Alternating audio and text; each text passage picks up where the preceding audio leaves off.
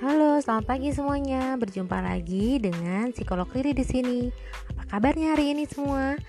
Baik, hari ini kita akan membahas tentang apa yang bisa membuat seseorang terlihat awet muda.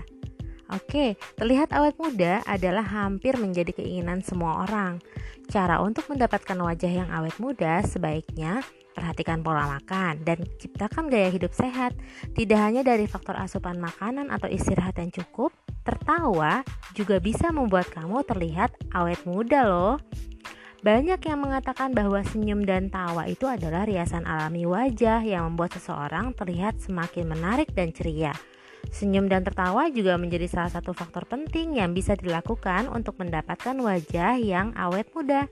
Selain mudah untuk dilakukan dengan selalu menebarkan senyum pada orang-orang di sekitar, kamu juga bisa meningkatkan mood kamu sendiri loh hari ini. Tertawa juga salah satu cara untuk membuat tubuh kamu menjadi lebih rileks dan tenang.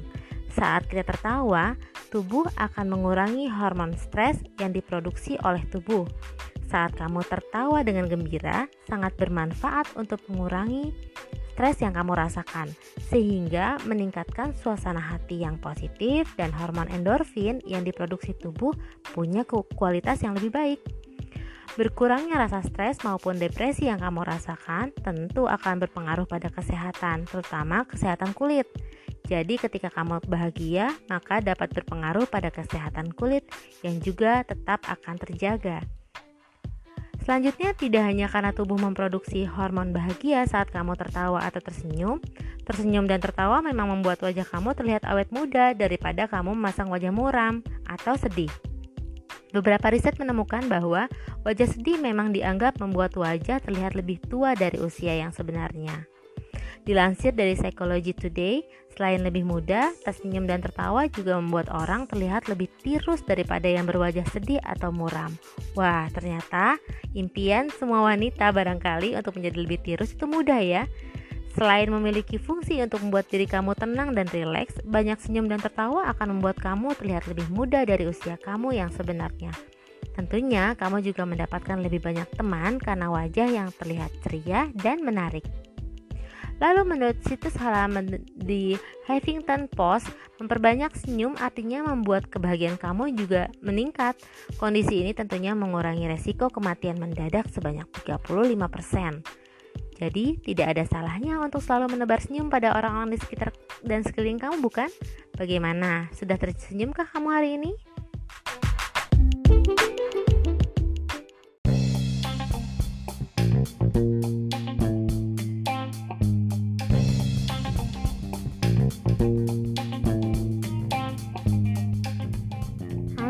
People, apa kabarnya? Mudah-mudahan sehat selalu ya. Oke, hari ini bersama psikolog Riri kita akan membahas tentang apa yang dimaksud dengan overthinking. Apakah sebelumnya Anda pernah mendengar istilah ini? Oke, overthinking adalah memikirkan segala sesuatu secara berlebihan. Banyak yang menganggap overthinking sebagai sebuah sikap berhati-hati sebelum memberi keputusan. Padahal, terlalu sering overthinking dapat memberi dampak yang tidak baik bagi kesehatan loh. Overthinking adalah istilah yang sering ditujukan bagi orang-orang yang terlalu banyak berpikir. Akan tetapi, jangan keliru menyamakannya dengan pemikir ya. Pasalnya, orang-orang yang overthinking sering memikirkan hal-hal sepele secara berlebihan. Kondisi overthinking ini sendiri bahkan sudah menjadi sebuah epidemi. Sebuah hasil studi yang dilakukan oleh Universitas Michigan ditemukan bahwa 73% dari golongan usia 25 sampai 35 tahun sering melakukan kebiasaan overthinking. Begitu juga dengan 62% dari golongan usia 45 sampai 55 tahun. Menariknya, orang-orang yang overthinking merasa kebiasaan tersebut akan lebih membantu mereka dalam memahami situasi dari berbagai sudut pandang yang berbeda. Faktanya, berdasarkan penelitian tersebut, overthinking adalah suatu kebiasaan yang tidak baik atau tidak sehat sehingga dapat memberikan dampak pada kesehatan mental Anda di kemudian hari. Orang yang overthinking tak jarang memikirkan berbagai kemungkinan atau skenario terburuk yang belum tentu akan terjadi. Bahkan, sering kali masalah yang dihadapi tidak seberat yang dipikirkan loh. Seorang asisten profesor klinis mengatakan bahwa overthinking bisa membuat insting tidak bekerja secara maksimal dan malah berujung pada pemilihan keputusan yang salah. Anda juga mungkin akan jatuh pada situasi analysis paralysis, di mana Anda terus memikirkan sesuatu secara berulang-ulang tanpa menemukan solusinya. Selain membuang waktu, energi Anda pun dapat terkuras lantaran hal ini bisa menghambat Anda untuk melakukan sesuatu. Hasil studi lainnya yang dilakukan di Inggris menyatakan bahwa overthinking dapat memberi dampak buruk bagi kreativitas Anda. Nah, semakin sering Anda overthinking, semakin besar pula masalah mental yang dihadapi, sehingga membuat Anda jadi putus asa dan tidak dapat berpikir kreatif seperti biasanya.